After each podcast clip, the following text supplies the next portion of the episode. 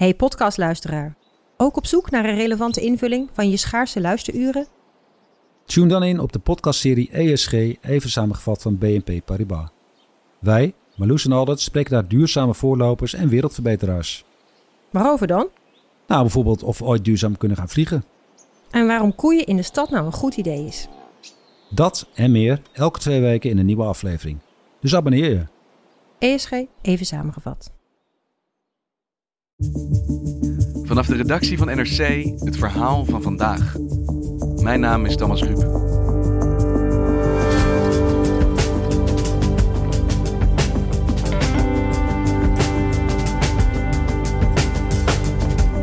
Vandaag is het tien jaar geleden dat Michael Jackson overleed. Sinds het verschijnen van de documentaire Leaving Neverland is hij controversiëler dan ooit. Fans vrezen dat hun held straks uit de geschiedenis wordt gewist. Voormalig King of Pop, horen ze nu al. Want waar is bijvoorbeeld dat 12 meter hoge standbeeld gebleven? Dat ooit zo trots prijkte voor het McDonald's filiaal in Best.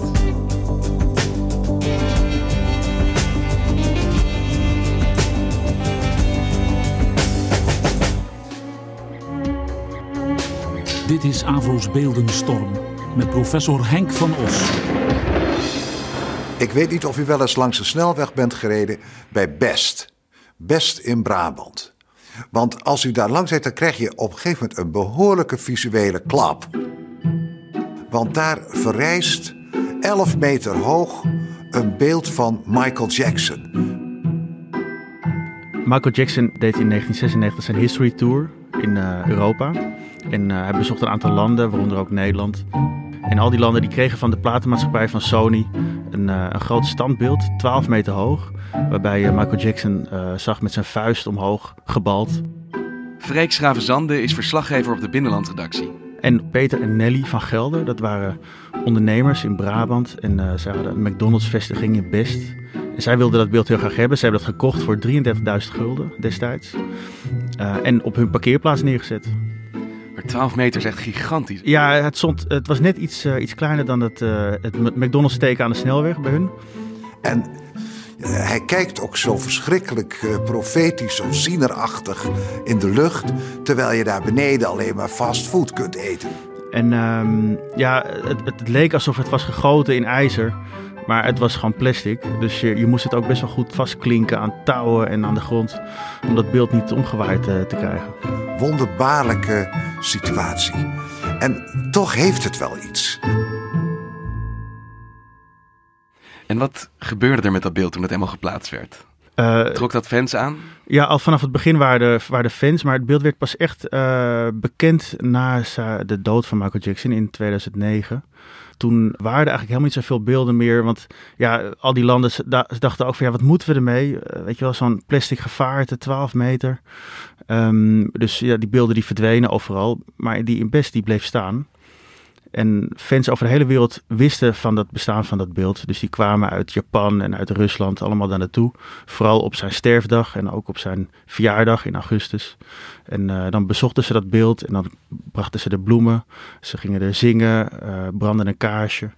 Maar het beeld is een soort bedevaartsoord geworden voor internationale Michael Jackson fans. Die kwamen allemaal naar de McDonald's in Best. Ja, dat beeld dat, uh, dat heeft daar ja, een jaar of ja, twintig staan, nog langer. Tot 1 april dit jaar. Toen opeens was het weg van de een op de andere dag eigenlijk. Everybody wanted to meet Michael or be with Michael. Er was dit jaar een documentaire uitgekomen. In die documentaire Leaving Neverland zaten twee mannen die als kind door Michael Jackson zeggen te zijn misbruikt. Secrets will eat you up. You feel so alone. I want to be able to speak the truth. As loud as I had to speak the lie for so long. Zij vertellen dat ze als kind uh, fan waren van Michael Jackson. De ene was Michael Jackson imitator, de ander die uh, had een, in een uh, commercial gespeeld met hem. En ze vertellen dat ze ja, op een gegeven moment in contact kwamen met Michael. Werden uitgenodigd op zijn landgoed Neverland. Zo'n soort sprookjeswereld die hij daar had in Californië. En je krijgt helemaal mee hoe dat proces van groomen, zoals dat eigenlijk heet, hoe dat zou zijn verlopen. Told me if they ever found out what we were doing, he and I would go to jail for the rest of our lives. Groom is eigenlijk uh, dat je contact legt met iemand en heel subtiel probeert uh, die seksuele grenzen te, te verleggen, te verlagen eigenlijk. En dat gaat uh, heel subtiel, dat je probeert om met, met bijvoorbeeld cadeaus of met aandacht iemand voor je te winnen. So we were like this married couple. And I say married because we had this mock wedding ceremony. En deze twee mannen die vertelden hoe Michael Jackson dat bij hen deed. Ja, zij zeggen dat Michael Jackson hen bijvoorbeeld ringen gaf, sieraden. The wedding ring. It has a row of diamonds with a gold band. En natuurlijk, zij waren fan van Michael Jackson. En dan heb je opeens een soort mythisch figuur, een idool dat exclusief aandacht voor jou heeft. Dat is natuurlijk fantastisch. It's like we're bonded forever. It felt good. Dus alleen dat al maakt het al dat die drempel natuurlijk eerder verlaagd zou kunnen worden. It's hard to go back to that moment. En waarom hij dit bij hun kon doen. Ja, inderdaad. Ja. En wat was de impact van deze docu? De impact was vrij groot, want uh, hij kwam heel geloofwaardig over. En uh, ja, vooral uh, Michael Jackson was natuurlijk een uh, commercieel succesvol product. waar veel bedrijven ook hun naam aan wilden verbinden. Pepsi, Suzuki, nou ja, allemaal grote, Louis Vuitton, allemaal grote merken, die hebben hun naam daaraan verbonden gehad in het verleden. En nu waren er dus ook een aantal die hun, ja, zich daarvan terugtrokken bedrijven die zeiden na het zien van die docu willen wij niks meer met hem te maken hebben of met zijn nalatenschap. Starbucks die heeft alle, alle songs van Michael Jackson uit, hun, uit zijn playlist uh, in, de, in de cafés uh, gehaald. Um, er zijn uh, radiostations die ook Michael Jackson niet meer wilden draaien. Louis Vuitton had een kledinglijn over Michael Jackson ook verdwenen. er zijn standbeelden in verschillende plekken op de wereld zijn er verdwenen. Ja, zoals ook in Best. Want dat is wat er in Best gebeurd is. Dat is wat er in Best gebeurd is. McDonald's uh, Nederland, het hoofdkantoor, die hadden zoiets van ja, dit, uh, wij willen uh, ons imago beschermen en wij, daar past Michael Jackson niet bij. Dat hebben we gedaan omdat we familierestaurant zijn en willen eigenlijk graag dat alle gasten een uh, positief gevoel hebben als ze naar, naar, naar McDonald's komen, naar een van onze restaurants. Het hoofdkantoor zei van ja, dit is een, een plek, uh, kinder, wij zijn ook een familierestaurant en daar hoort Michael Jackson niet bij. We willen dat gasten bij ons komen voor onze lekkere burgers en de service. Dat is het belangrijkste motief geweest. Het is neergehaald. Michael Jackson is letterlijk van zijn sokkel getrokken eigenlijk. En uh, met een oplegger naar een onbekende bestemming uh, vervoerd. En het enige wat je nog uh, zag was een, een soort bruine vlek op de parkeerplaats. waar ooit het beeld dus stond. En een briefje hing er aan de deur. Er stond op: We doneren het beeld en de reliquieën aan de Nederlandse Michael Jackson fanclub. Maar welke fanclub? Er was niet één fanclub. Hey Freek, ben jij zelf eigenlijk Michael Jackson fan? Ja, ik uh, ben dezelfde generatie als jij, uh, Thomas. En ik zag je al een moonwalkje doen uh, gisteren op de redactie. Die, die, heb ik ook wel gedaan thuis toen ik kind was in de woonkamer.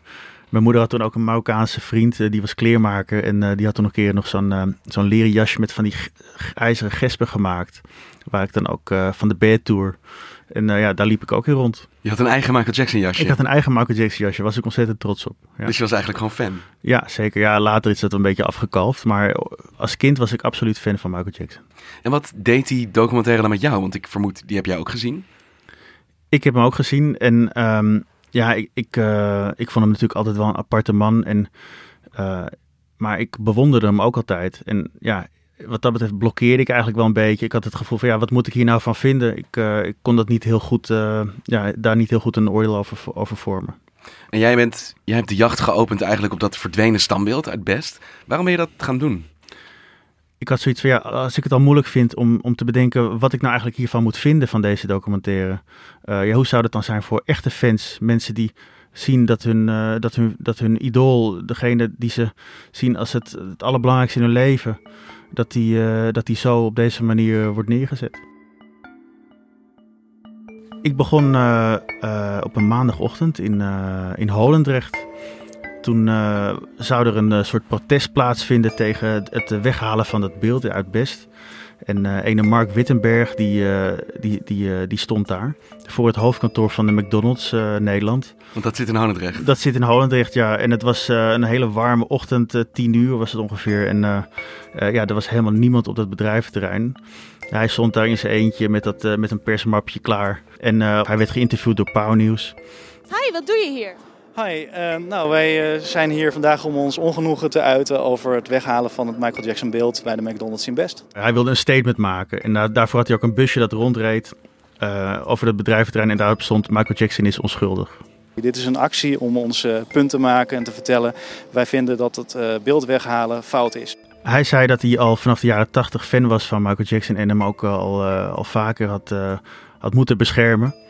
Uh, zo was hij ook bijvoorbeeld bij een eerdere rechtszaak tegen Michael Jackson. Toen hij ook werd beschuldigd van, uh, van uh, misbruik in 2005. Toen was hij drie maanden lang in, in Amerika om bij de rechtszaak te staan. En zijn, zijn, zijn grote idool een hart onder de riem te steken. En hij, nu was hij ja, een soort voorzitter van het MJ Innocent platform in Nederland. En wat is dat voor een platform? Dat zijn de fans die zich hebben verenigd, ook internationaal, om ja, de naam van Michael Jackson te zuiveren. En hij zei ook van ja, weet je, als je er meer over wil weten, uh, kom mee, dan gaan we, spreken we een keer af met andere fans. En zo belandde ik uh, een paar dagen later ergens in uh, Amsterdam-West in een, in, in een flatje met hem en drie vrouwen die ook allemaal al vanaf de jaren tachtig daarmee bezig waren. Ze hadden allemaal hetzelfde van ja, dit is schandalig wat er hier gebeurt. En ze snapten tegelijkertijd ook, want die documentaire is ook geloofwaardig. Dus ze snapten ook dat de buitenwereld die documentaire wel wilde geloven. En tegelijkertijd zeiden ze van ja, maar wij hebben andere feiten en wij weten hoe het echt zit. En als het feit dat je fan bent van Michael Jackson zo'n diep uh, integraal onderdeel van je identiteit is, lijkt het ook best wel eng om zo'n documentaire te kijken. Omdat je ook wel aan jezelf gaat twijfelen misschien ergens. Of hadden zij dat helemaal niet? Ja, je hebt in de psychologie uh, de cognitieve dissonantietheorie waarbij je uh, als je, hebt een overtuiging en daarnaast staat een andere overtuiging die pal tegenover de ene overtuiging ingaat. Dat geeft een ongemakkelijk gevoel en je moet een manier vinden om daar toch mee om te gaan. Maar wat me eigenlijk opviel was dat die Michael Jackson fans daar helemaal niet zoveel moeite mee hadden. Omdat ze over het algemeen al die mensen uit die documentaire kenden. En uh, ja, ze zeiden van ja, die zijn alleen maar uit op geld. Dat was een van de manieren om daarmee om te gaan voor hun.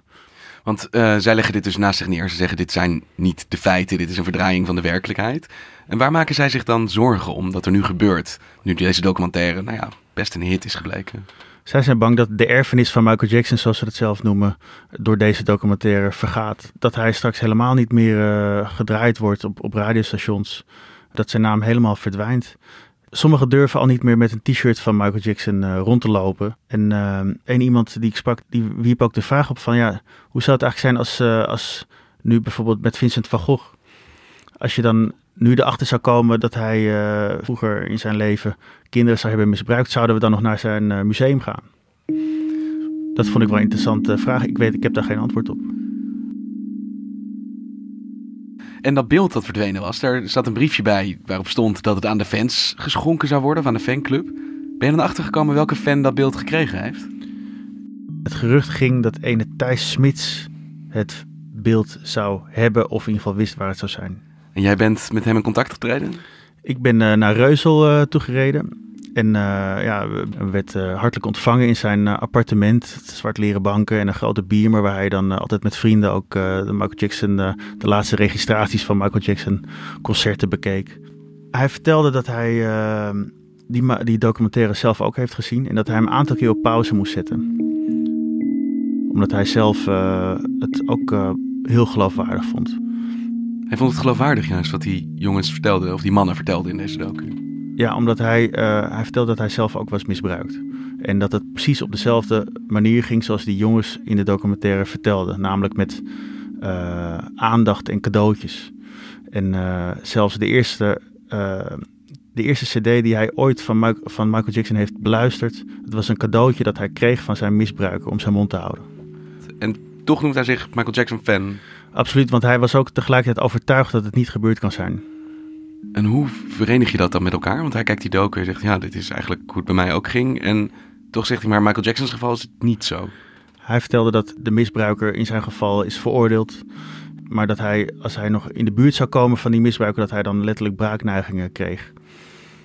En ehm, die Wade Robson in uh, de documentaire uh, over Michael Jackson, die heeft nog tot laat, ook na zijn dood, nog altijd wel uh, ja, verbonden willen blijven aan Michael Jackson. En hij zei van ja, dat, dat, dat kan niet. Als je bent misbruikt door iemand, dan wil je dat niet nog, nog jaren later nog steeds daar zo bij, bij blijven. Dus op die manier had hij zoiets van ja, dit, dit, dit misbruik kan nooit hebben plaatsgevonden. Voor hem was Michael Jackson ook altijd een vlucht geweest. Hij probeerde het misbruik uh, daarvan dat uit zijn hoofd te krijgen door Michael Jackson muziek te luisteren. Ja, als zo Michael Jackson dan zelf uh, zoiets gedaan zou hebben, ja, dat, kan, dat is natuurlijk onmogelijk om uh, te accepteren.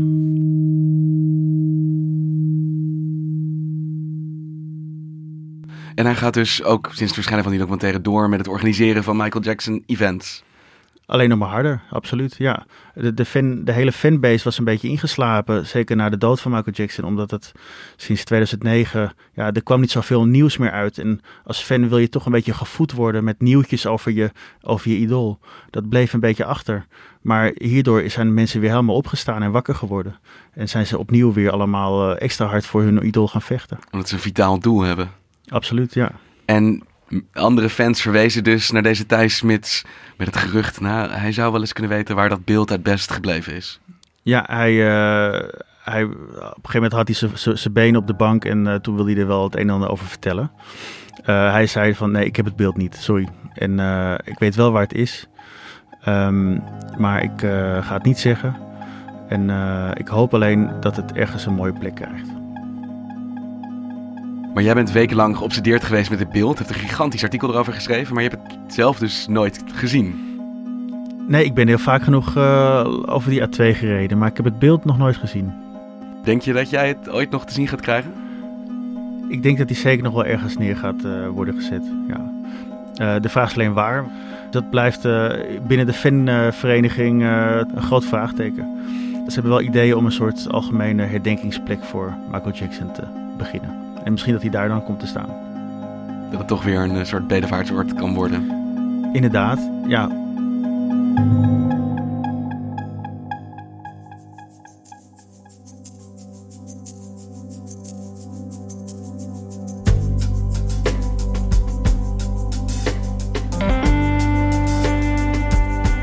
Je luisterde naar vandaag, een podcast van NRC. Eén verhaal, elke dag. Dit was vandaag, morgen weer.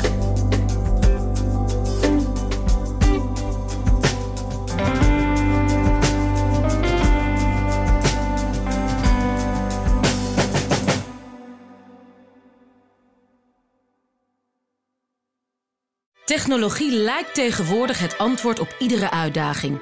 Bij PwC zien we dit anders. Als we de potentie van technologie willen benutten, kunnen we niet zonder een menselijk perspectief. Human-led, tech-powered noemen we dat. Ga naar pwc.nl.